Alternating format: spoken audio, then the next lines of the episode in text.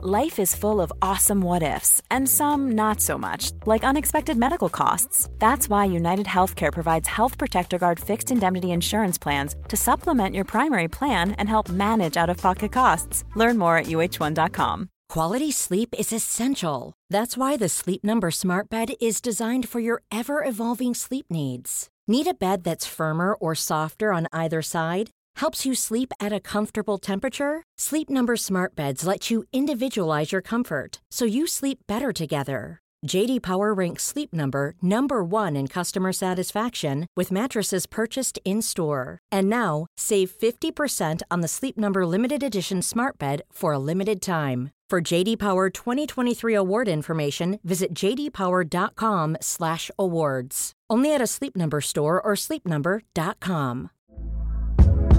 Hey there, it's Michelle Norris. I'm host of a podcast called Your Mama's Kitchen. When I travel, I'm usually looking for a way to find a taste of home when I'm not at home. And one of the things I love to do when I am at home is entertain. And Airbnb allows me to do that. When I was in California recently, I rented a house that had a great kitchen. And when we were sitting around the table, we we're all thinking, we're in someone else's house. Someone could be in all of our homes as well.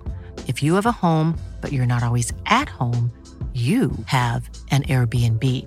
Your home might be worth more than you think. Find out how much at airbnb.com/slash host. Jeg sto og tenkte på en ting da jeg dusja i dag tidlig. Hufta? Ja, da tenker jeg ofte Hva, Hvorfor er det hufta? Nei, jeg vet ikke. Nei, jeg tenker ofte over de store tingene. Det var akkurat derfor jeg sa hufta. Nei. Men kanskje du har svaret, for dette er ting som jeg føler at du kan mye om, nemlig verdensrommet.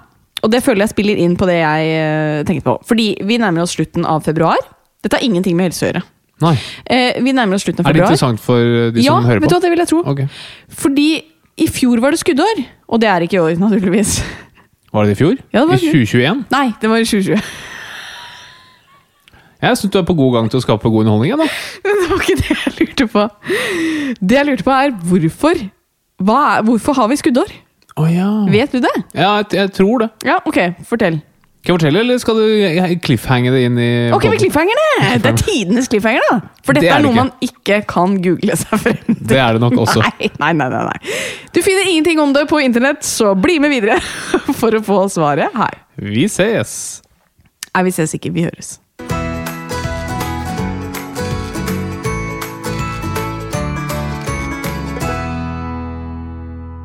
Hei, alle sammen, og hjertelig velkommen til en ny episode av Åpen journal. Tusen, tusen takk for det. Eh, I dag så skal det handle om noe som jeg tipper at har eh, rammet mange av oss. Ja. Ja, fordi hvis du har opplevd at alt snurrer rundt, at det gynger Var det vanskelig å si snurrer rundt? Eh, de fleste tror jeg ikke syns det er vanskelig. Har du opplevd at alt snurrer Det var veldig vanskelig å si. Ja. Kan du si det? Nei. Ok. Har du opplevd at alt snurrer rundt? Nei. Nei. Eh, jo, du har jo opplevd det. Ja, jeg har vel det. Ja. Eh, har du opplevd at det gynger under deg? Ja. Eller at det blir sånn uklart foran øynene dine? Nei. Nei, ok, det har jeg opplevd. Så har du mest sannsynlig opplevd å være svimmel. Det rammer jo de aller fleste av oss, men noen får det i større grad enn andre. Hvorfor er det sånn? Ja. hvorfor Det Det skal du få svar på her, når ukas tema er svimmelhet. Spennende. Ja, absolutt. Eh, stort tema. Svimmelhet husker jeg alltid at eh, når jeg, da jeg tok imot eh, pasienter i sånn akuttmottak Ja, for det har du eh, gjort mye. Det har jeg gjort mye. Eh, I praksisperiode så var svimmelhet det var ikke noe du ønska deg. altså. Nei, det er veldig utfordrende Ja. å få det på legevakt som Ja. på kveldinga også. Ja. Når det nærmer seg stengetid. Det er også utfordrende. Ja. Og det kan være farlige ting, så du må liksom utelukke det. Man må ta seg tid. Man må det. Ja. Eh, så det blir eh, en del prat om svimmelhet, og så blir det en god prat med ukas gjest, som er Tiril Sjåstad Kristiansen. Du har veldig spisse s-er i dag. Har jeg det? Svimmelhet. Er, er det en sykdom? Eh, Det er i hvert fall irriterende for oss som hører på. Er det det? Ja. Svimmelhet. Å ja. Men eh, vet du hva? Det er ikke så rart at jeg har spisse s-er i dag. Ok? Fordi før vi spiller inn denne episoden, hvor har vi vært? Jo, vi har vært på Reptilparken. En reptilparken. Ja, men der var det mye slanger. Ja, det var mye slanger.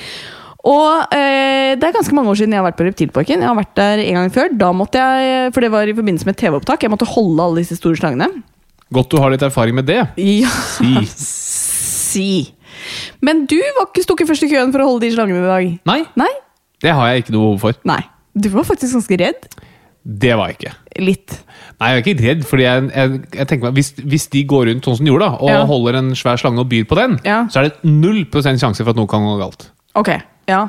Det er ikke giftig, så den biter deg ikke. Så det går nok bra. Men det jeg tenkte på da jeg var der, var at eh, i løpet av et år, da ikke sant? Det er alt fra pinnedyr til slanger til tarantellaer og det er, jo, det er jo noe derfra som klarer å rømme på et eller annet vis. Det vil jeg anta. Ja. Så de hadde jo blant annet eh, Den sorte enke, Ja. Mm. som er en av verdens giftigste edderkopper. Men den, eh, Og det er bare, bare sånn glassmonter med liten nøkkel til. Mm. Men den så ut som den var inne i et lite bur inni buret igjen. Ja. Og det var jeg veldig glad for. Men jeg så ikke den, jeg. Nei, vi brukte litt tid på å finne den, og det er alltid litt guffent. Men skjønte ikke, hvor du, altså Er du helt sikker på at du så den? Eh, Nei, men jeg syns jeg så noe som lignet på en liten edderkopp. Ja, Så det er jo det skumle, da. Hvor er eh, Den sorte enke på Reptilparken blitt av? Um, det som også var litt eh, feil, var jo at eh, det er to Altså det er én ting du ikke skal gjøre der, og det er å banke på vinduene til de der dyrene. Ja. Og med en gang vi kom inn, så ser jeg liksom Bettina, søsteren min, stå på andre siden av det var liksom en glassmonter som gikk eh, rundt i flere plan. holdt jeg på å si. Eh, og da hadde jeg så lyst til å si Jeg visste jo at hun var der, men jeg hadde lyst til å si at vi hadde kommet, så jeg banket jo veldig hardt på det vinduet. Yep. det var... Så nå ligger en slange med buken i været i Oslo Reptilpark. Eh, og så var det jo én ting da vår sønn hadde lyst til å gjøre, og det var jo bare å banke på de vinduene. Um, så det ble jo Hvor hadde han det fra? For Nei, en det- en uoppdragen unge. det er jeg enig. Så det ble ganske mørkt. Og så må jeg også legge til at blant alt det spennende du kan se på Reptilparken, så var han mest imponert over vifta i taket. Ja. Og sånn er det med små barn. De skjønner ikke at mor og far har spart penger, Nei. betalt billett, Ja. for å se reptiler, Ja. og så er det takvifta han er Han så takvifta og sa oi, oi, så mange ganger. Jeg tenkte sånn, den kunne du sett Den kunne jeg sett på Rema! Har Ja. sikkert en sånn? Eller kanskje neste uke så drar vi til Oslo takviftepark. ja, Den er fin. Den er Takk. morsom. Takk. Eh, vi må jo også følge opp cliffhangeren med skuddår. Det er, sikkert, det er sikkert mange som Mm. også har skrudd på denne podden, for de har hørt at her får de svaret. Ja. Eh, Nei, nå, jeg vet ikke, men jeg antar at Husk på at vi deler jo eh, tiden inn i år og måneder og uker og Nei, er det sant? Hva man lærer i denne podkasten? Ikke sant? Men de, det passer ikke helt med det vi egentlig måler. Så for eksempel et år. Hva, hvorfor er det et år studd med flatland? Det har noe med sola og jorda å gjøre. Det er riktig. Altså, eh, sola bruker et år rundt jorda. Ja. Eller vi bruker et år rundt sola.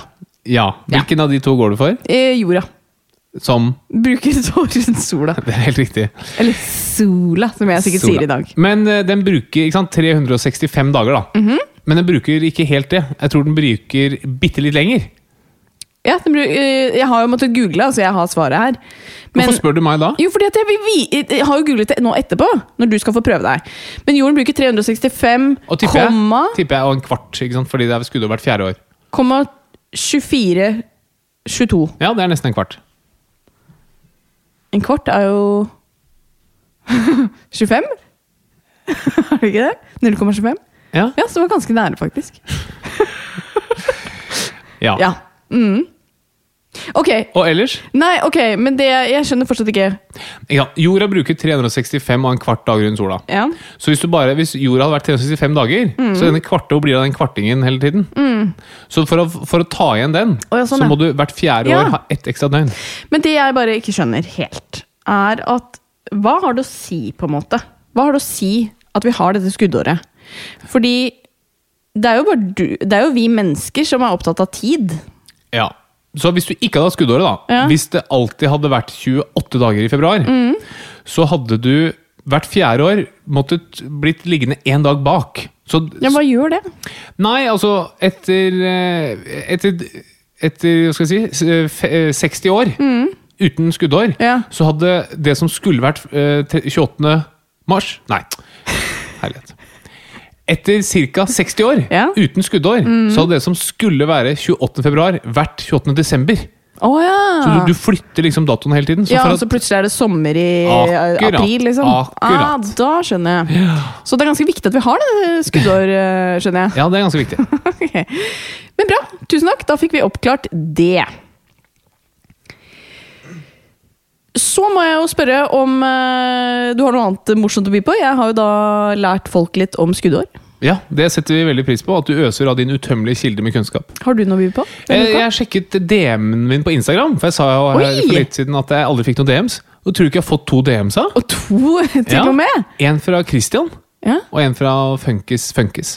Ikke Funky Gine. Ikke Funky Gine, nei. Men eh, de eh, Så det var veldig hyggelig. Så tusen takk for Ja, da det. blir vi jo veldig nysgjerrig på hva de har skrevet. da. Oh, ja, nei, det var, det var ikke de, de sa at de var enige med at det het dunjakke. Og ikke dynejakke. Begge to skrev det. Ja, de skrev det. Og så Ja. skrev de at det var mine lyttere. Var det dine, lyttere? Ja, ja, ja. Ja, men da, da har du to. Da har jeg to. Så ja, shout-out til uh, mine lyttere der ute. Uh, er det noe nytt fra medisinen denne uka? Eh, ja, det er det for så vidt. Eh, vi har jo snakket litt om, om eh, psykose i en tidligere podkast. Ja. Og dette med om man er i en psykose eller ikke. Og det har stått veldig mye om det i mediene. Det har Ja. vært en del forferdelige hendelser med mennesker som har begått uh, grusomme handlinger. Ja. Og så lurer man på etterpå er de tilregnelige. Så for å minne litt om hva en psykose er, så er det en forvirringstilstand. Det er en tilstand man går i, og så går inn i, og så er man plutselig veldig forvirret. Man kan være at man ser eller hører ting, eller at man er overbevist om at ting er på en annen måte enn det andre gjør. Og så må man bestemme seg hva som er feil, da, selvfølgelig. Og det er det som er så vanskelig. Når er det man er i en psykose? Og når er det man faktisk tenker at ja, jeg skjønner at du tror det er sånn, men jeg er uenig med det. I hvert fall fordi også, hvis man er måte har vært i psykosen i gjerningsøyeblikket, men dette, man skal ta stilling til det tre måneder etterpå, så kan man jo være ferdig med psykosen. Jo, men det kan også være at folk har en har annen måte å se verden på. Ja, og når skal du si at dette er psykiatri, eller når skal du bare si at man bare aksepterer at man er litt uh, forskjellig? For det er jo sånn at hvis man er i en psykose når man gjør noe galt, da er man ikke tilregnelig. Nei. Det betyr at da skal man ikke straffes for det som har skjedd, man skal behandles for det er en sykdom. Og så, Jeg bare så et innlegg på et sosialt medium, som jeg ikke vil navngi ytterligere. eh, Hvor en person skriver at Erna Solberg og Jonas Gahr Støre de er ikke tillitsvalgte for det norske folk. De er lokale norske agenter for EU Oi. og internasjonal finanskapital. Oi! Og det er interessant. Ja. Det er en interessant formulering. Kan det? Det er det. Det kan absolutt hende Ja. at det er det. Fordi For meg Ja. dette stemmer overhodet ikke med min virkelighetsoppfatning. Nei. Men det kan også være at det er jeg som har misforstått. Og det. Det må jeg være åpen for. eh, men det som er blitt et problem nå, det er det at alle mennesker har noen mulighet til å spre all verdens informasjon. Ja. Eh, og folk kan ha masse følgere også, Mhm. på ulike sosiale medier, eller masse venner, eller hva det er. Eh, og mange tar det for god fisk. Jeg ser at det blir jo sånne tråder under, ikke sant? og folk ja. er glad for at du får fram sannheten også. Og det er litt skummelt. Ja. Så man skal være veldig varsom når man tar til seg informasjon. Mm. For det er veldig mange mennesker ute som, i hvert fall etter min bok, de burde ikke lyttes til. Fordi jeg, jeg mener dette er Jeg vil ikke si sykdom, for det er jo veldig strengt å si. Mm. Men jeg mener det er et eller annet, enten i mitt eller i vedkommendes måte å tenke på, som ikke er forenlig. Ja. Men det må jeg bare si, ikke for å på en måte Men det er noen ganger jeg ser sånn på Dagsrevyen at det har vært sånn protest foran Stortinget, og så er man liksom fire stykker. Ja. Der, da er du ivrig. Jo, men det, altså, det tenker jeg er kjempebra. Husk på det at det går jo protester Jeg sier ikke at alle som protesterer, er gærne. Nei, nei, jeg vet det, men jeg blir imponert over at de fire tenker sånn Ja, ja, vi, vi ble ikke flere i dag, men eh, Ja, ja, men det er, det er veldig bra, og det er det fine med å leve Ja, i et jeg er enig, demokrati. jeg er enig. Og husk på det er det samme under krigen. Motstandsfolkene det var jo i mindretall, ikke sant? Mm. men de, de gjorde en fantastisk innsats for at vi lever i et fritt samfunn i dag. Men eh, ja, så bare husk det. Alle har en eller annen agenda. Noen er eh, tenker litt annerledes. Ja. Sjekk kildene dine før du eh, leser og hører på noe. Da går vi videre til eh, min agenda for denne podkasten, nemlig svimlet.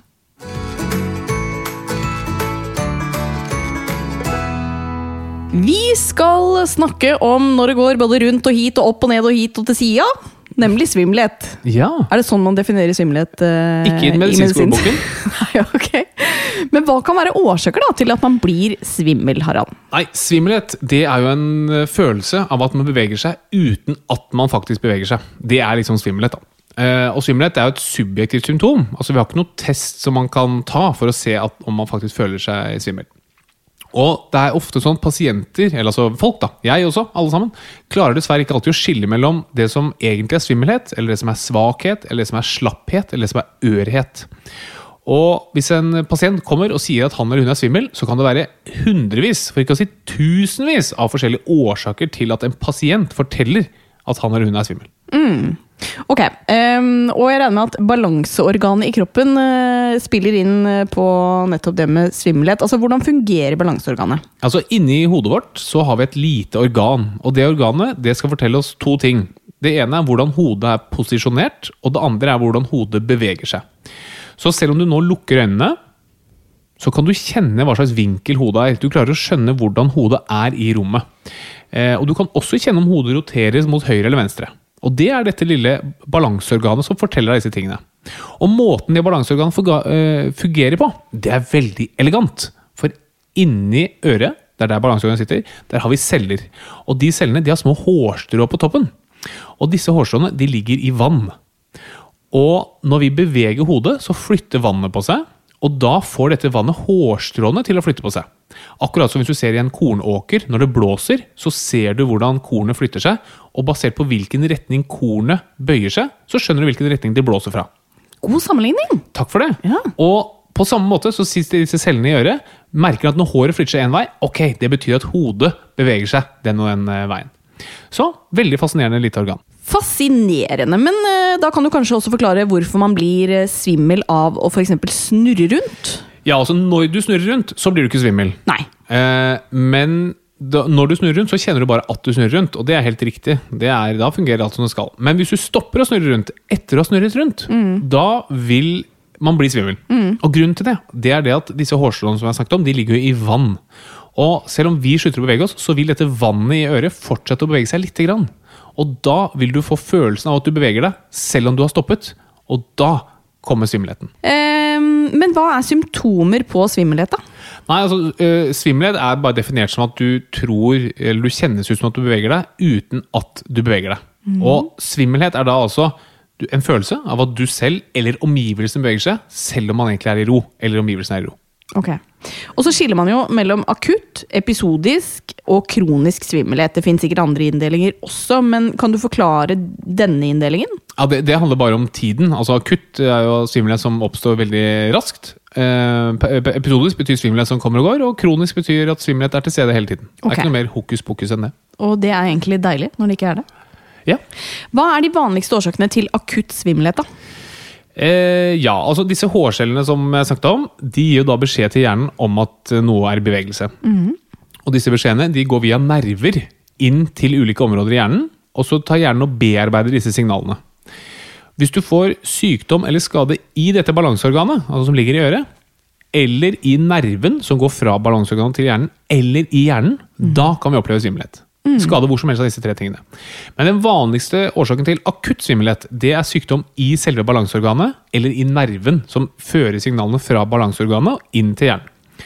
Og i balanseorganet så har vi små krystaller som ligger i dette vannet som hårstråene står i.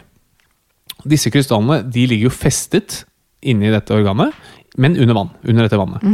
Men disse krystallene de kan løsne. Og hvis de krystallene løsner, da kan de drive og dytte borti hårstråene. Og hva skjer når vi dytter borti hårstråene? Jo, da føler vi at vi beveger oss. ikke sant? Det er Hårstråene er der for å fortelle om bevegelse.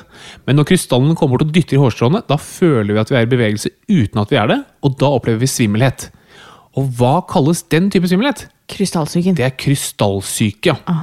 Det er den vanligste årsaken til akutt svimmelhet. Ja, ok, Si at en person kommer inn da med akutt svimmelhet, og man lurer på om dette er krystallsyken. Hvordan Kan man øh, altså kan man ta et bilde, eller kan man se om disse krystallene er, ligger feil? Eh, eh, nei, det du, det du gjør er at eh, For det første så er det ganske sånn typisk eh, sykehistorie. Fordi de som har krystallsyken, hvordan, hvordan blir de kvitt sin svimmelhet?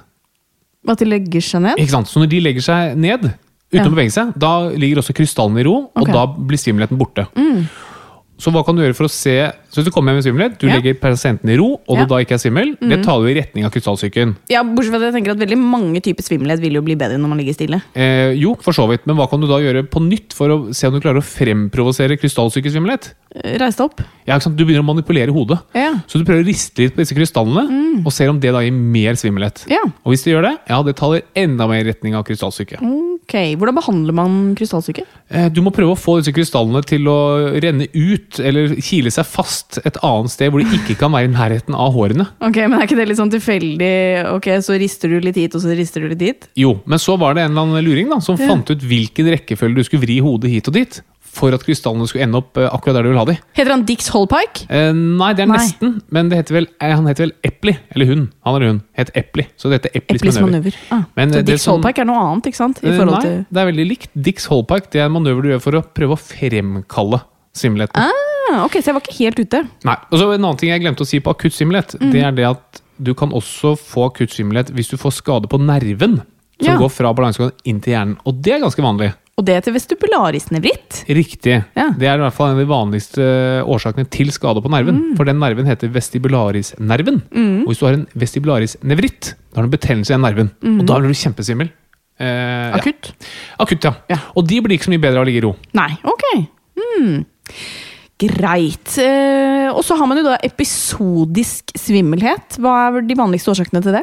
Eh, Det er vel nok også krystallsyke, for krystallsyke er jo en akutt svimmelhet som oppstår episodisk. da. Eh, Så det vil jo være en vanlig årsak. Og så finnes det jo mange eh, årsaker til svimmelhet som ikke handler nødvendigvis direkte med balanseorganet å gjøre. For eksempel hvis du har litt lavt blodtrykk. Da vil du, når du reiser deg opp raskt, eksempel, da vil hjernen ikke få nok eh, blod. Og da kan du bli svimmel. Ok. Og så er det kanskje noen som har eh, lest eller hørt eh, at Jan Thomas sliter litt med svimmelhet, og han sliter med noe som heter Meniers eh, sykdom. Ja. Hva slags type svimmelhet er det? Mm, ja, det er også en sykdom som inni, igjen, inni balanseorganet Så sa jeg at vi har sånn hårstrå som ligger i denne væsken. Den, hvis du har for mye væske, da kan det gi en del problemer i eh, dette balanseorganet som gjør at du både blir svimmel, det kan også gjøre at du får høre litt tinnitus, du kan få nedsatt hørsel og en del sånne ting. Da. Okay. Er det det- episodisk? Eh, ja, det er for så vidt også episodisk. Ok. Greit. Og kronisk svimmelhet, da? Det høres jo veldig kjedelig ut. Ja, så eh, igjen, svimmelhet kan jo være mange ting. og Jeg nevnte jo så vidt også at det kan være for lite oksygen til hjernen. Eh, for å si det litt enkelt, altså Hvis du reiser deg raskt, så får du jo rett og slett ikke nok blod til hjernen. Da kan du bli svimmel. Eller hvis hjertet ikke pumper nok blod til hjernen, da kan du bli svimmel. Eller sånn at blodmangel. Da kan du også bli svimmel. Men disse tingene er relativt enkle å undersøke. Så de som har kronisk svimmelhet, det er som regel veldig, veldig mye mer diffust. Ja, okay. Da handler det ikke, som regel, om sykdommer i balanseorganet eller i nerven. Nei. Og kronisk svimmelhet er gjerne ledsaget av angst og depresjon og spenningshodepine og slapphet osv. Og så kommer symptomene gjerne i, i forbindelse med spesielle situasjoner. Da. Ja. Det høres jo veldig plagsomt ut. Forferdelig plagsomt. Ja. Forferdelig plagsomt. Um, men uh, du har jo nevnt uh, noe av det, men i hvilke tilfeller kan svimmelhet være tegn på noe farlig? Altså Akutt nyoppstått svimmelhet som man ikke har eh, undersøkt hos lege noen gang, det bør undersøkes av lege umiddelbart. Okay. Da ville jeg egentlig ringt eh, 113. Da tenker du ikke på den der hvor du reiser deg raskt og det går over fort? Eh, nei, hvis du er liksom helt eh, Altså sånn Altså Hvis du aldri har opplevd svimmelhet når du reiser deg, og så opplever du svimmelhet når du reiser deg, da ville jeg nok også oppsøkt lege okay. For å bare få det klarlagt. Ja. Det, grunnen til at man er litt bekymret for sånn akutt svimmelhet, er at hvis du får hjerneslag, mm. eh, særlig i lillehjernen, da kan det arte seg som akutt svimmelhet. Ja. Så det er av de tingene vi gjerne vil utelukke. Og når vi tenker at hjerneslag er en mulig diagnose, da handler vi meget raskt. Ok, Så når skal man ringe 113 ved svimmelhet, da? Nei, altså Hvis du får svimmelhet av en type som du ikke tidligere har hatt før, og som du ikke har vært i kontakt med lege før, da vil jeg ringe til 113. Men husk at å ringe 113, så kommer du jo til veldig flinke folk som sitter og rådgir deg på telefon. Og så kan de si ja, ja, dette, dette går fint, du kan ta bussen til legevakta. Eller bestille fastlegetime til uka. Det er ikke sånn at når du ringer 113, så står det en ambulanse på døra. Nei, og Det tenker jeg er et veldig viktig poeng, for man tror jo gjerne at eh, man eh, binder seg til at den ambulansen kommer. Ja, så jeg tror Heller ring en gang for mye. Ja, gjør heller det. Ja. Mm. Eh, hvordan utreder man svimmelhet, da, i og med at det er en subjektiv følelse? Eh, det viktigste det er å snakke med pasienten, for veldig ofte så, så får man ut mye viktig informasjon bare av å høre hvordan svimmelheten arter seg. Og så er det viktig å undersøke hjernen og balanseorganet. Og Da gjør man en systematisk nevrologisk undersøkelse, som det heter, hvor man går gjennom alle de viktigste funksjonene som hjernen har. Det betyr at du, du ser først at pasienten kan snakke og uttrykke seg normalt, at man kan bevege seg som normalt, at man har normalt tempo, normal koordinasjon osv. Og så litt avhengig av hva man finner, så kan man ta blodprøver. Man kan gjøre eh, undersøkelser av hjertet, hvis man mistenker at det er noe galt med hjertet. For det kan man bli svimmel av. Hvis hjertet plutselig mm, periodevis pumper for lite blod til hjernen, så oppleves det som svimmelhet. Man kan ta MR-undersøkelser av hjernen, og litt andre ting i den gata her. Og noe av det eh, vi som leger blir lært opp til å spørre om eh, hvis noen sier at de er svimle, er jo om det er som å sitte i en karusell, eller som å sitte i en båt som eh, gynger i bølger. Altså, Hvorfor spør man om det? Nei, man har liksom tenkt at uh, Altså Man skiller mellom det som heter rotatorisk svimmelhet, eller gyratorisk svimmelhet, og nautisk svimmelhet. Og Gyratorisk, eller rotatorisk, det betyr at det kjennes ut som man snurrer, sånn som du sier, på en karusell. Nautisk svimmelhet, da kjennes det som du står på dekket til en båt som er ute i svære bølger. Da. Og det man tenker seg er at Hvis man har en svimmelhet som arter seg som at man føler at ting snurrer rundt, det tyder på at sykdommen kommer fra nerven eller balanseorganet. Men hvis du har svimmelhet som er den nautiske typen, at du står på en båt, da tyder det mer på at sykdommen kommer fra hjernen. Men det er ikke noe sånn helt tydelig skille. Jeg ble litt svimmel av å snakke om det. Jeg skjønner det. Kjente jeg. Jeg tror jeg må ta en liten pause, og så er vi tilbake med lyttespørsmål og gjest start.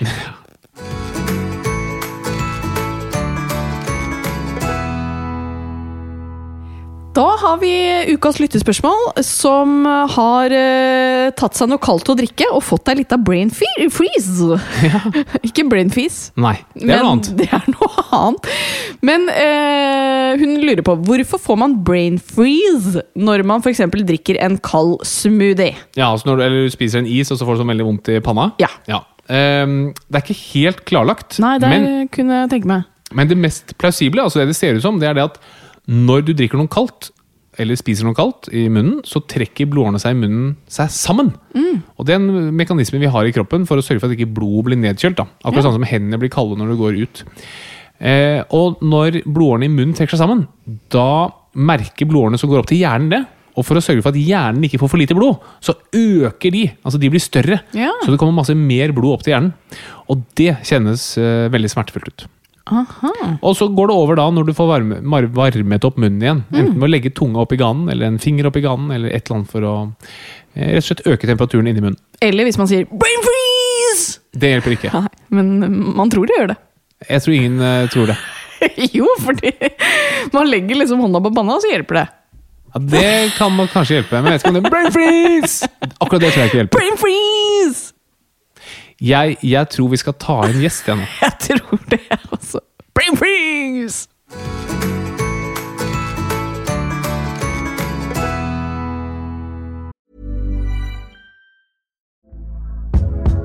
Hey there, it's Michelle Norris. I'm host of a podcast called Your Mama's Kitchen. When I travel, I'm usually looking for a way to find a taste of home when I'm not at home. And one of the things I love to do when I am at home is entertain. And Airbnb allows me to do that. When I was in California recently, I rented a house that had a great kitchen. And when we were sitting around the table, we're all thinking, we're in someone else's house. Someone could be in all of our homes as well.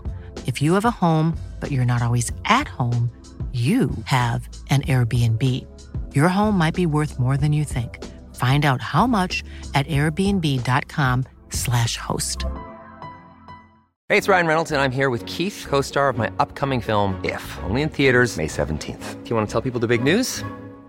All right, I'll do it. Sign up now and you'll get unlimited for $15 a month and six months of Paramount Plus Essential Plan on us. Mintmobile.com slash switch. Upfront payment of $45 equivalent to $15 per month. Unlimited over 40 gigabytes per month. Face lower speeds. Videos at 480p. Active Mint customers by 531.24 get six months of Paramount Plus Essential Plan. Auto renews after six months. Offer ends May 31st, 2024. Separate Paramount Plus registration required. Terms and conditions apply if rated PG. Quality sleep is essential. That's why the Sleep Number Smart Bed is designed for your ever evolving sleep needs. Need a bed that's firmer or softer on either side? Helps you sleep at a comfortable temperature? Sleep Number Smart Beds let you individualize your comfort so you sleep better together. JD Power ranks Sleep Number number 1 in customer satisfaction with mattresses purchased in-store. And now, save 50% on the Sleep Number limited edition Smart Bed for a limited time. For JD Power 2023 award information, visit jdpower.com/awards. Only at a Sleep Number store or sleepnumber.com.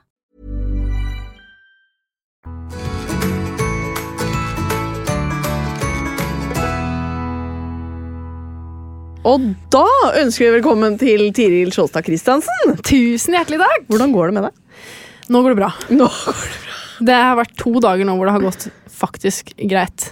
Faktisk greit. Ja. Hva mener du? Nei, jeg har hatt uh, sjuk eh, ettåring i én uke og to dager. Faktisk. Og hvor mange timer? For vi teller jo det òg, sikkert. Ja, det, det må du ikke spørre om. For matte, der strøk jeg nesten på skolen. Men uh, da uh, gikk det opp for meg hvor uh, sliten man kan bli. Jeg trodde jo jeg hadde vært ganske sliten før. Ja, I hvert fall siden jeg har vært toppidrettsutøver. Vært veldig sliten. ja Mye trening. Sjukt slitsomt. Men altså, Hvordan sjuk var ettåringen? hun var alt. Det var først feber, høy feber. Oi. Og så da er det jo stikkpiller, ikke sant? Mm. Det vil du jo ikke ha. Så det er jo et helvete. Jeg vet det. Å, fy faen. Og så eh, Ja, så kom snøret. Ja. Så må gå og tørke det hele tida. Ja. Og da blir det jo ramaskrik. Ja. Og så eh, kom hosten. Oi. Sjukt mye slim. Ja. Våkna på netten og fikk ikke puste, og jeg holdt på å ringe legevakta til meg, faktisk. ja natta er helt jævlig, da. Åh. Og så da kom uh, ja, betennelse på øynene. Begge to. Så øyelokka var jo klistra sammen. Toppa det hele med det. Toppa det hele. Så helsa til ungen har skranta litt siste uka. Uh, Men hvordan står det til med helsa di? Den er så bra, den! Er den det? Ja, Er det sånn? altså, jeg er fra en eh, familie som Vi har vært veldig heldige. Altså, det er lite sykdom og Ja, vært lite greier. Men det er jo kanskje også fordi vi har uh, legeskrekk hele gjengen, da. Altså, sånn, vi Så dere vet ikke at dere har noe? Nei, vi finner aldri ut av det. Ehm, Men eh, bank i bordet, mamma og pappa og Så jeg har to besteforeldre igjen, på hver sin side. Begge er nå over 90. Mm. Bor hjemme alene. Eh, mamma har aldri vært noe særlig sjuk. Skal bytte hofta nå, da, men det er liksom ikke sjuk. Det er mer sånn slitasje. Ja. Ikke sant? Så pappa har hatt noen smågreier. og Jeg har liksom bare vært skada, ikke sjuk. Så jeg føler vi har liksom Bra gener, bra liksom. gener Ja, det er bra. Men Er det fra Geilo hele gjengen? Ja. Det er sånn halvt sørlending. da. Pappa er fra Tvedestrand. Ok. Mm. okay. Jeg Lurte på om liksom Geilo var bra gener generelt? eller? Nei, men eh, Det er litt sånn stereotypisk å si, kanskje, men jeg ser for meg at liksom i de traktene der der er det mye Det er bare sånn barka man har liksom gravd gjennom av isen og Ja. granitt. Og så, når isen trekker seg tilbake, da sitter en sånn gjeng eh, geiloværinger. Ja. Som eh, spiser trær og gråstein, og ingenting biter på dem. Deilig å høre Ja. at det er sånn dere ser Jeg på oss. tenkte, Hvis du hadde sagt sånn Geilo, da hadde jeg tenkt innavl. Hvorfor sier folk det? Det er ikke Er det først- flere meg? Ja! Hæ? Det er grusomt. Er det sant? De sier innavl og bondegård. Liksom. Alle Ja, spør om jeg er fra gård. se. Det er sånn har du, hvor mange gård, Det er ikke så mange gårder Nei, på men det må jo være Det noe er i det. derfor det er, det er, derfor det er innavl, da. Er så få gårder. Ja, jeg blir svett av å er høre på folk snakke om Geilo. Jeg sa, sa til en venninne en gang jeg vurderer å flytte til Geilo. Det er ingen som bor på Geilo. Nei. Men jeg er jo oppvokst der. Mm. Nei! Er du oppvokst? Hun hadde liksom glemt det. Trodde det var ski, Bare skidestinasjon. Går det an å bo på Geilo? Hun har hytte der, da. Mm. Skjønte ikke. Nei, jeg kunne ikke se for seg at det gikk Men kunne an. du tenke deg å flytte dit nå? Ja, ja. Oh, ja. Åh, 100 oh, ja. Men får du med deg mannen, da? Nei, nå har vi jo akkurat flyttet til Ja. Grimstad, så vi får vente et par år. Mm. Kanskje det var målet å slippe å ha med seg mannen? Altså, verken, verken datteren min eller mannen vil, vil flytte, men jeg flytter i Ja, jeg, jeg kan flytte. Jeg har ikke noe fast jobb her. Men øh, du har jo vært i kontakt med helsevesenet i forbindelse med noen skader, kan jeg tenke meg? Det har jeg jo mye, da. Ja. Ja. Hva har vært den verste skaden? Eh, Jeg har jo hatt nå ja, røket korsbåndet og menisk og jeg har hatt fem kneoperasjoner. Ja. Så jeg har hatt litt med helsevesenet å gjøre da, ja. Ja. ja. Hvordan står det til med knærne nå? Bra. Bra, Ja, det gjør det. Til å trene så lite som jeg har gjort siden jeg la opp, så går det jo enda bedre enn det gjorde. Skal slutte å trene, da. Aldri Jo, men det er jo, det er jo livsfarlig, i hvert fall den sporten du har drevet med. Ja. Jo mindre man gjør den, jo mindre skadet blir man jo. Det er jo det. Og jeg har jo merka at bare sånn belastningen eh, fra, det, altså fra å gå til det jeg drev med, til å bare absolutt ikke drive med det. Det er jo litt sånn kontrast eh, fra det til å bli mamma og liksom sitte hjemme på sofaen et år. Så eh, det har jeg merka har hjulpet veldig på. Så jeg har aldri hatt det så bra, egentlig. Mm, I kroppen, ja. det er bra. Og i knollen, da? Den Ja, Åh, den har jeg gått dårlig med. Har du det? Den har fått kjørt seg, sånn på ekte, altså. Ja, ja. Der kom ikke mentaltreninga mye Nei, den svikta. Er det sant? Ja, jeg fikk sånn Jeg er jo veldig åpen, jeg snakker jo masse med venner og eh, alltid vært veldig åpen. Men jeg merka sånn Det gikk så fort fra meg til at jeg la opp. Hadde null stress med det. Ting bare gikk så unna. Hadde så mye å gjøre. Dritgøy. Eh, ble gravid. Flytta til Grimstad, så å si på dagen.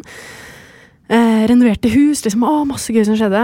Eh, og så da å få barn midt oppi korona på et nytt sted. Mm. Da fikk jeg reality check og identitetskrise og det du, alt.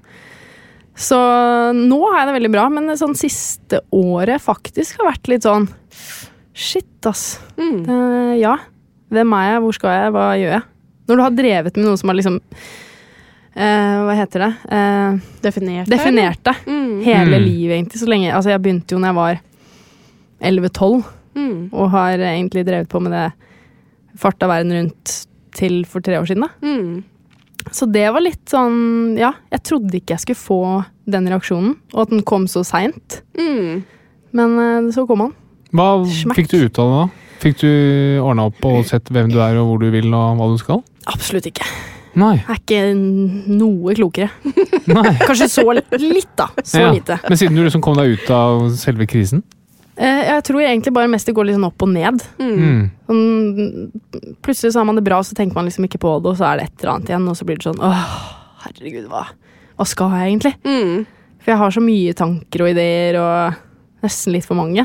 Ja, men Har du vurdert å Eller får du noen eh, form for coaching eller hjelp fra noen eh? Nei, men jeg har definitivt tenkt til å gjøre det. Mm. Eh, Jeg bare er liksom må finne den rette, føler jeg, som har litt forståelse for min bakgrunn. Mm. Um, og litt mer sånn karriereaktig, for jeg har så mye spørsmål. Og, Mm. liksom, du skal finne deg sjøl litt på nytt. Da. Det er liksom virkelig sånn identitetskrise, fordi når du er toppidrettsutøver, og det er jeg så redd for på manges vegne som er nå toppidrettsutøvere, Mm. fordi det ikke har slått meg før, da. Eh, det er så lett når du er toppidrettsutøver å tenke at det er livet. Mm. Og det er vanskelig å eh, i det hele tatt tillate seg å tenke på et liv utenfor, da. Mm.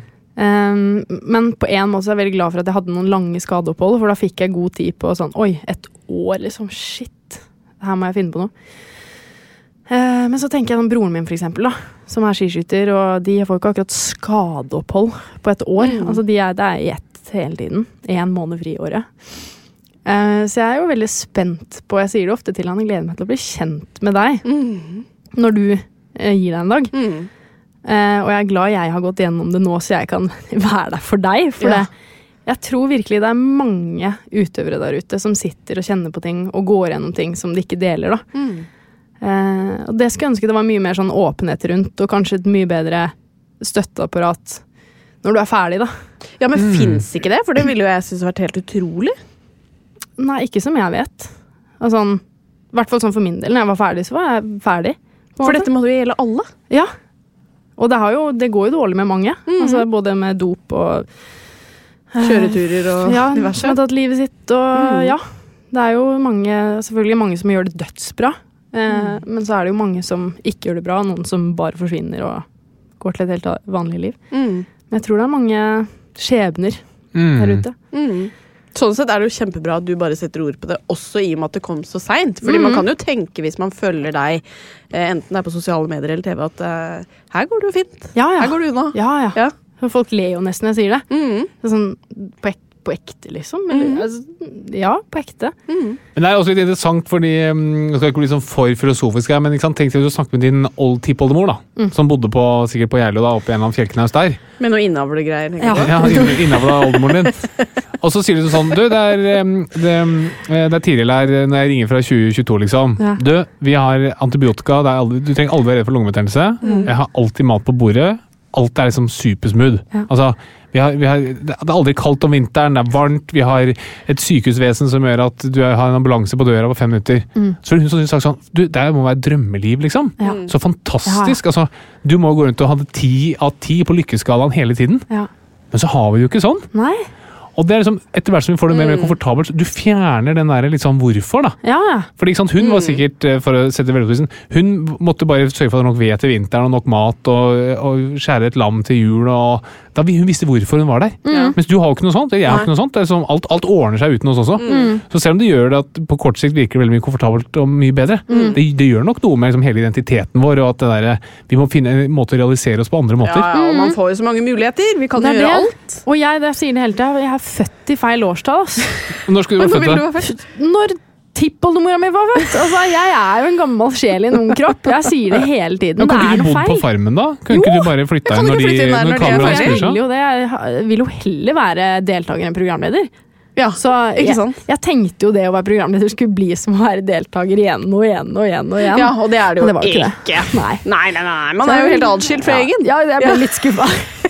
Skal jeg ikke gjøre noe på dette ukesoppdraget? Fader, altså. Uff a meg. Men um, vi har jo snakka litt om uh, hodet i dag, men vi har ikke vært innom da, dagens tema, som er svimmelhet. Har du noe forhold til det? Altså, jeg har jo vært svimmel. Ja, du har vært svimmel. Ja, Mm. Har vi ikke alle vært det? Jo, men veldig kortvarig, syns jeg personlig, i hvert fall. Ja. Det er lenge, altså, jeg husker Jeg har aldri besvimt. Nei. Men jeg har vært så nærme det går an. Sånn på akkurat å ikke besvime, da. Da var jeg svimmel. Og det var til og med et fly. På et fly? Ja, ja. Sittende eller stående? eller? Stående. Fordi jeg røk korsbåndet når jeg var i USA. Ja. skulle jeg fly hjem. Og da fikk jeg med meg eh, noen sånne eh, sprøyter. Mm. For eh, sånn blod... Det var noe, Propp. Mm. Ja, for ikke å få Ikke blodpropp. blodpropp. Mm. Og øh, en som da i utgangspunktet svært dårlig liker sprøyter, skal da sette sprøyter på seg sjøl. På flyet! Ja. Ja. Å, herregud, jeg trodde hun kødda med meg da jeg var innom sjukehuset. Bare Fikk med en bok om hvordan jeg skulle gjøre det. Oi. Men du trengte ikke gjøre det på flyet, da, men det sa han kanskje ikke. Jo, jeg måtte gjøre det, for for jeg måtte gjøre det så så ofte, så jeg hadde på alarm. For det var så så, mange mange? timer. Ja, det var helt det rareste. Så jeg var på sjukehuset og gjorde det rett før jeg skulle fly, og så Mm. måtte jeg gjøre det én gang i løpet av flyvningen. Før jeg kom hjem. Ok, det var veldig lang flytur, da. Ja. Mm. Uh, å, fy søren. Uh, og jeg sa jo ikke til noen på flyet at jeg skulle inn og sette sprøyte på meg sjøl på doen. Sett på et skudd her Ja. inne, ja. Ja. Så jeg gikk inn på doen tenkte jo ja ja. Og det er jo magen, da. Mm. Så heldigvis har jeg en god det, Klask der. Klask der. Kaller det ikke love handles. Eh, som, så jeg tenkte ok, den når i hvert fall ikke inn til organene mine. Heldigvis. Det kan jeg være er bombesikker på. Ja, jeg tenker, altså, jeg skal treffe et eller annet. Og den nåla altså, var jo sikkert sånn, men Ja, nei, så den var, den var lenger. Den var ganske lang. Ja. Men i, i mitt hus var den sånn, 30 centimeter. Og så står jeg da og manner meg opp på flyr Tar tak Nei, det var for lite. Og prøver liksom brette magen som får masse flesk. Så var jeg så sikker på at du ikke treffer noen organer inni der. Og bare sånn OK, én, to. Nei, nei. ok, en, to. Og, da, og så OK, stikker. Og da skal jeg liksom kjøre den der inn, da. Og så kjenner jeg bare idet jeg begynner å trykke på sprøyta at jeg begynner å oh, bli litt svimmel. Og så kjenner jeg plutselig sånn oh, hørselen forsvinner. Ja, det er også rart. wow. Ja. Og så tenkte jeg sånn Å, fy faen, jeg tror jeg besvimer. Og bare hamre på døra oh, ja. med nåla i magen. Jeg fikk jo panikk. Jeg tenkte jeg svimer på dass. Men det hjelper jo ikke å slå og banke på en låst dør innenfra. Er jo Nei, det kan dårlig... godt hende jeg låste Det var fint å si fra, da. Ja, det Ja. var bra. Det var bra. Så det kommer personell, da, Og heldigvis. Ja, jeg, så jeg må ha klart å låse opp. Ellers Ja. så låste jeg ikke, for sikkerhets skyld. Så tenkte jeg, fy faen, her står jeg med nål i magen og hamrer på døra, og tror de om meg, liksom. Eh, Så måtte jeg forklare hele situasjonen. Da. Så gikk det jo bra, fikk lagt meg ned og åh, ja. Det er nærme det er, Da var jeg svimmel. Da var jeg svimmel. Ja. Hva er dette for noe, Flatland? Studmed? Eh, dette er jo et eh, akutt blodtrykksfall. Eh, ja. Det er eh, Jeg vet hvor du skal. ja, du kan bare ta meg dit, du. Eh, Hva det- heter denne type svimmelhet? Sånn vagus eh, Hva heter det igjen? Vasovagal. Vasovagal eh, synkope. Ja. Vasovagal synkope. De kunne jo bruke litt vanskeligere ord. Ikke sant? Enig. Herregud. Eh, men eh, da er det jo veldig fint at du har vært svimmel i løpet av ditt liv. Fordi kanskje det er en fordel når det er quiz eh, om svimmelhet. Ja, det kan godt være en fordel, det. Ja. Ikke hvis det er så vanskelige ord. Som er svaret. Vasovagal. Ja, det er mye, det er jo en veldig viktig del av legestudiet. å Bare lære seg masse vanskelige ord. Men hvorfor heter det hva som var galt? Det er fordi eh, det handler om eh, eh, at vagus, som er en eh, nerve, Ja. sender litt for mange eh, signaler om at eh, blod, hjertet skal slappe av litt. Ikke sant? Okay. Og så roer pulsen seg, du får lavere blodtrykk, og så besvimer man. Ja, Vaso betyr jo blodåre, da. Ja. Mm. Men det var riktig forklaring. Så det, som, det som skjer, da, er det at blodårene dine utvider seg, og så sl- slår hjertet litt saktere. Og da får du ikke nok blod opp i hodet. Ok. Men hva er det som gjør hva på en måte sånn Jeg har aldri besvimet før, da. Hvor går på en måte grensa på sånn Hvorfor besvimte jeg akkurat ikke der? Eh, når jeg følte jeg gikk så langt at jeg ikke hørte lenger. Så hvor nær var jeg å besvime, og hvorfor gjorde jeg det da ikke? Er det noen som besvimer noen lettere enn andre? Og, Absolutt, og det handler jo blant annet med blodtrykk å gjøre. Og unge kvinner har gjerne litt lavt blodtrykk, så de har lettere for å besvime. Men eh, det som er viktig, er på en måte årsaken til at du besvimer. Så det, Den historien der er veldig fin. Altså da er det helt åpenbart hvorfor du besvimer. Det er helt ufarlig, og det er en reaksjon på, på sprøyten. Mens det som er veldig skummelt, er for hvis man er ute og trener og plutselig besvimer. Det er veldig skummelt. For når du er ute og trener, så har du høyt blodtrykk. Så hvis du da ikke får nok blod til hodet, så er det sannsynligvis hjertet det er noe gærent med. At hjertet slutter å pumpe blod på en måte som gjør at du får um, blod opp i hjernen. Så det er liksom når du skal kartlegge svimmelhet, som er en uh, vanskelig og tidkrevende affære, så må man sette seg ned og snakke om disse tingene her, og gjøre litt undersøkelse av hjertet osv. osv. Men akkurat som ditt eksempel, det er sånn du ikke trenger å, trenger å undersøke det. Nei. jeg har jo vært svært lite Altså, jeg tror jeg aldri har vært svimmel av bare å være svimmel. Nei. Det er bra. Med mindre du vet sånn Kutt opp og ned hodet. Reise seg for Ja, fort, den, ja. oh, Ja, den kjenner jeg til. til. den er Og hva skjer da? Hvorfor blir du svimmel da? Tiril? Eh, fordi blodårene eh, Du får ikke nok eh, oksygen til hjernen. Ja, riktig. Blod til hjernen. Det er veldig bra. Hørte ikke du etter når han forklarte nå? Men jeg tror det var veldig bra. det var en fin oppladning til Ja. dagens quiz. Ja. Er du klar for quiz? Ja. Da kjører vi quiz. Ja. Og med oss i dag så har vi Tiril Sjåstad Kristiansen. God dag. God dag. Rett fra Geilo. Ja. Og rett fra Nesøya, Katarina Flata Nobler. Jeg, ja. Rett fra jeg, ja. Nei, vent litt. Det er vi er fortsatt i ammetåka. Ja, Ja, det har vi vært i 32 år. Jeg vet ikke. Det har jo null mening. Ja, jeg ja. For et sånt ordspill på jeg lo. Det kunne vært du lo. Fra du lo. Ja, jeg tror, det var, jeg tror ikke jeg bestemte meg mellom du lo eller jeg latter. Ikke sant? Ja, og så ble det jeg. Det har jo ingen mening. Er det noe du vil ta med deg videre, Tiril? Hva da? Det er sånn ordspill Katrine Katarina med? Eh, kanskje. Jeg har generelt ganske dårlig på ordspill, så jeg Ja. kan ta ja. med meg den. Da Ja. føler jeg at den her er i hvert fall ikke Den satt. Vi er i gang med quizen, og første spørsmål det er hva er den, mediti eh, unnskyld, hva er den medisinske betegnelsen på svimmelhet, Tiril? Vagus. Katarina, På svimmelhet trenger ikke å gjenta spørsmålet. Jeg hadde tenkt å si tinnitus, men det er det ikke. Men Nei, vet du hva? Jo, vet du hva? Jeg trenger litt tid, fordi jeg var, jeg var såpass ute at jeg sa jeg-ja. Ja, Og da skjønner jo alle at jeg har Jeg er nær synkope. det har du vært siden jeg møtte deg. Um, kan du si forbokstaven? Vær så snill. V. Oi, da er jeg ganske Å nærme. ja. Um, vestibu... Vertigo. Ja, faen. Oi. Tror du du må kunne dette eksamen, Flatland? Ja, men øre-nese-hals, som eh, dette går under, er faktisk så langt eh, unna der jeg leser om dagen. Så det, det skal jeg lese i Hvor langt kan det være unna, i og med at du leser om kropp og anatomi og generell medisin? Fordi Vet du hva, jeg skal helt ærlig, jeg syns Ørenes Hals er jævlig kjedelig å lese om. Ok, Ja. hør på det, sensor for medisinsk avgangseksamen. Men, nei, men akkurat okay, Ørenes Hals og øye det kommer jeg til å repetere rett før eksamen. Så det, før april-mai er ikke interessert. Ok. Ja. Eh, Tiril, Ja. hvilken tysker ble kjent for sin taktfaste, dog ustøe gange gjennom Europa midt på 1900-tallet? Da må jeg bare si Hitler. Katarina? På 1800-tallet? 1900-tallet. Nei, vet du hva, jeg, jeg skjønner, det er helt For du, du har noe forslag på 1800-tallet, er det det du prøver å si? Men på 1900-tallet er det litt tynnere? Ja. ehm, du sier Hitler, Ja, det var første som dukka opp i mitt hue. men det er et eller annet ordspill med vertigo. Heinrich Schwimmler. Ja, nei, det nei. må du, ikke- være god, Svimmel, du må være god på din nazistiske historie her. Ja, og Men det er han ikke jeg. het Heinrich Himmler. Jeg tror han var en av de høyt oppe. Men tett oppunder Hitler, så du skal faktisk få et poeng for den. Nei! Hva? 1-0 til Tiril. Katarina, hva Kaster jo er, poengene etter henne. hun har fått ett poeng kastet Ja. etter seg. Ett poeng for mye. Hva er vanligste årsak til svimmelhet hos de under 40 år? Katarina? Vanligste årsak? Ja. Liker du at jeg alltid gjentar Eh, spørsmålet? slutt å gjenta spørsmålet.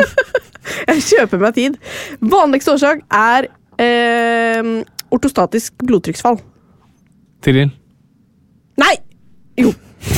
Da sier jeg bare lavt blodtrykk. Ok, eh, men riktig svar er angst. Åh, Hæ? Mm. I det svimmel? Oh. Ja, det gir som av svimmelhet. Ja. ok. Oi. Hva er nest vanligste, da? Eh, Det er nok sånn som dere sier blodtrykksfall. Og ortostatisk, Ortostatisk. betyr bare at det er stillingsbetinget. Da. Da har jeg brukt vel mye at jeg har angst, uten å ha angst. Hvis du... Hva mener du? Det er masse gjølt, ja, og har så angst for det. Ja, ja, ja. Du er jo aldri svimmel. Nei. Nei, men du må ikke, du må ikke bli svimmel av angst, men okay. det er veldig vanlig at man angst, ikke være. Skjønner. Absolutt. absolutt. Okay. Men det visste jeg ikke. Nei, men nå vet du det. Nå vet jeg det. Og jeg vet at du ikke visste det, for du svarte feil på Jo, men jeg tror jeg, Det har jeg faktisk hørt når folk sier Når man har lest en bok eller noe sånn biografier, og de snakker om angst og sånn. At de har svimla og liksom, oh, følt at de skal falle om. Og, Yes, det er veldig vanlig. Spennende. Eh, Tiril, hvilken legespesialist er typisk best på svimmelhet? Jeg kan jo ikke så mange legespesialister, men da, siden du snakka om øre, nese, hals i stad, så sier jeg øre, nese, hals. Hva sier du, Katarina? Øynes hals. Ja, det er riktig, Tiril. Det er Nei, poeng til deg. du hva? To poeng til, Det ble jeg faktisk jævlig irritert på. Ja, gjør du det? Ja, faktisk. Eh, Ok, 1-1, da. Oi, det var veldig raus. Ja. Tiril, hvordan går teksten i Lillebjørn Nilsens sang 'Barn av regnbuen'? Er det en svimmel mann kalt Werner? Eller er det en strimmel som jeg kverner? Eller er det en himmel full av stjerner? Eller er det urin i mors sisterner? Eller er det en himmel full av vortefjerner? Nå glemmer jeg jo! Du sa så mange alternativer. En himmel full av stjerner. En himmel full av stjerner. Det er helt riktig. Ja. Det var veldig mange alternativer. Var mange alternativer. Hvorfor gjør det Du vanskelig? koste deg når du skrev den oppgaven. Overhodet ikke. Nei. Neste spørsmål. Katarina, hvor mange penger utbetales til pasienter med svimmelhet i Norge i løpet av et år i sykepenger? Det er vel snakk om noen millioner. Eh, Da skal vi opp i 180 millioner. Tiril? Vet du hva, Jeg tror faktisk det ikke er så mye. Tror du ikke det? Fordi det er sånn vanskelig å, å, eh, å finne fasit på er du svimmel eller ikke, liksom. Hvordan Ja, men nettopp Derfor er det det? enkelt å lure det til seg. Ok, for jeg tenkte sånn der at De er dritstrenge på hvis du ikke kan bevise det. Hvor mange sa du? 180 millioner? Ja, det var litt mye. Det var litt mye. Oi. Jeg sier 70 millioner, jeg. Er 350 millioner. Å, fy fader, det var Bare mye på å være penger! svimmel? Ja, ja. Du må, På å være svimmel. Nå tror jeg det er ganske Unnskyld, mange unnskyld, jeg trekker tilbake. trekker sitter tilbake. svimle der og men du må huske tenker på det at Det er eh, jævlig å være svimmel. Til jeg liker veldig godt innstillingen din, men realiteten er dessverre helt motsatt. Jo vanskelig det er å bevise ting, jo lettere er det å få sykemelding. Er det sant? Og de største sykemeldingsgruppene er ting du nettopp ikke kan bevise. For eksempel Dessverre. smerter eller sånt. da. Du skjønner at jeg ikke har hatt mye sykemeld? Ja, skjønner du? Ja. Det er veldig bra. Sykemeld. Vet du hva det heter? Engang? sykemelding. Eh, Katarina, Ja. hvorfor måtte den kjente italienske glassblåseren Luca di Analio gi seg etter å ha blåst tusenvis av lekre glass til den italienske overklassen? Det var vel noe med svimmelhet eller ører eller noe sånt. da. Hva tror du, Terje? Jeg må ha vært jævlig svimmel. Jeg har prøvd glassblåsing. Holdt på å svime av. Så Ikke sant? det er jo Men det må ha vært en Han har fått en sjukdom av å blåse så mye. Da, som har Han gjort har. Krystallsyken. Det er akkurat det han fikk! Det har du også tenkt! Det kom hun også på fordi jeg i stad snakket om krystallsyken. Ja, men Hvorfor kom ikke du på det? Det er et større og viktigere spørsmål. Ja, men Det er det eneste Det kan syken du jeg har lure hørt på. om som har med svimmelhet. Ja, nettopp. Det er veldig Og den her bra. går heller han ikke an å blåste finne ut av. krystallglass, ikke sant? Blåste krystallglass. Ah. Dette er ikke min quiz. Så det, det tier Faen, det klinker til her, altså. Ja, plukker opp eh, tips fra meg, da. Og vil jeg er si. tidenes verste i quiz. Ja, Som på Helt åpenbart Det ikke. er det Jo, åpenbart ikke. Helt Ja, du er jo åpenbart. helt tydelig ledelse her, da. Det er flaks. Det er jo siste spørsmål. Ja. Her kan du få fem poeng. Oi! Fordi det eneste muligheten du har til å vinne, Flatland. Ja. Nei, medisinsk, altså. Du har bedre, mm, faktisk, til, eh, bedre forutsetninger for å klare det. Men du skal få første mulighet til å svare. Mm. Eh, Tiril, hva kalles den medisinske tilstanden som er karakterisert av tidvis svimmelhet kombinert med slapp analsfinkter?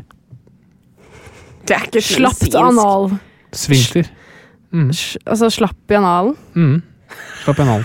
Svimmel og slapp i fiseringen. Yes. Oi, den har jeg ikke opplevd samtidig. Har du ikke? Eh, men hva Men slags mye av den sykdom? siste. Mye slapp i analen. I hvert fall etter den fødselen da. Hva sa du? Hva var spørsmålet om du gjenta, Hva faktisk? kalles den medisinske tilstanden som er karakterisert av tidvis svimmelhet kombinert med slapp analsvinkter? Svaret er fjertigo. Nei. Nei! Jo. Du sa det var medisinsk. Ja, Fjertigo. ja. Vertigo. sånn av vertigo og fjert. Fjertigo. Harald Oplev. Herlig. Ja, og var herrer, jo Harald da. Det var Ingen som vant. Ja. Wow, gratulerer så mye! Åh, Det hørtes jeg. veldig ut som du mente det. Ja, men jeg er jævlig falsk når jeg vil. Tusen takk, Katarina. Det var sabla deilig å vinne noe! Endelig. Du Ikke kjenner jeg sant? Trang på å vinne. Ja, men den tilfredsstilte vi til de grader i dag. Deilig. Så du har jo fram til i dag tenkt at du var tidenes dårligste på quiz, men har du nå moderert denne listen og satt en ny person inn på bunnen av den listen? Ja, jeg tror rett og slett ikke jeg skal bli med i flere quizer framover. Bare for det å bare holde meg i Det toppsjiktet der syns nå. jeg du burde. Før vi avslutter, så tenkte vi å få et tips til Bernhard, vår sønn, for eh, hvordan han kan bli en fin fyr. Det mm, spør vi alle gjestene våre om. Hva er ditt tips? Bli min svigersønn. Bli din svigersønn! Ja, de kan bli kjærester! kan bli Ja, kjærester. det Fy faen, dere kan det! Vega Bernhard. Ja, er hun Herregud, snill? mye eventyr. Er hun snill? Hun er den råeste jenta. Ja. Ok. No shit, altså. Ja, det høres jo ut som et godt utgangspunkt. Masse energi. Litt sånn eh, på kanten. ja, det liker han. Det liker han. Utfordrer litt. Yes, det gjør han. Klatre mye. Ja, ja, ja. Ekstremsportutøver. Mm. Ja, altså, da blir han en snill gutt hvis han får meg til svigermor. Oh, ja. Jeg blir nok ikke den snilleste svigermor. Du blir nok et helvete. Kjører arrangert ja, ekteskap, vær så Det er snill. helt Jeg nydelig. Vi møtes i Når blir eh, 18 år pluss 2020? Det er 2038. Ja! Ses i 2038 til bryllup i stor stil. Vi er tilbake neste uke. Ha det! Ha det! Plan B. Planning for your next trip? Elevate your travel style with Quince. Quince has all the jet setting essentials you'll want for your next getaway, like European linen, premium luggage options, buttery soft Italian leather bags, and so much more. And is all priced at 50 to 80% less than similar brands. Plus, Quince only works with factories that use safe and ethical manufacturing practices. Pack your bags with high-quality essentials you'll be wearing for vacations to come with Quince. Go to quince.com slash pack for free shipping and 365-day returns. Planning for your next trip?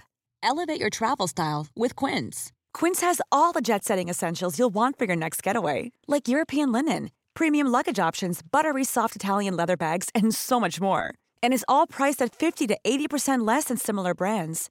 Plus, Quince only works with factories that use safe and ethical manufacturing practices. Pack your bags with high-quality essentials you'll be wearing for vacations to come with Quince. Go to quince.com slash pack for free shipping and 365-day returns. This message comes from BOF sponsor eBay. You'll know real when you get it. It'll say eBay Authenticity Guarantee. And you'll feel it. Maybe it's a head turning handbag, a watch that says it all, jewelry that makes you look like the gem, or sneakers and streetwear so fresh every step feels fly. eBay gets it. So look for the blue check mark next to that thing you love and be confident that every inch, stitch, sole, and logo is checked by experts. With eBay Authenticity Guarantee, you can trust that feeling of real is always in reach. Ensure your next purchase is the real deal. Visit eBay.com for terms.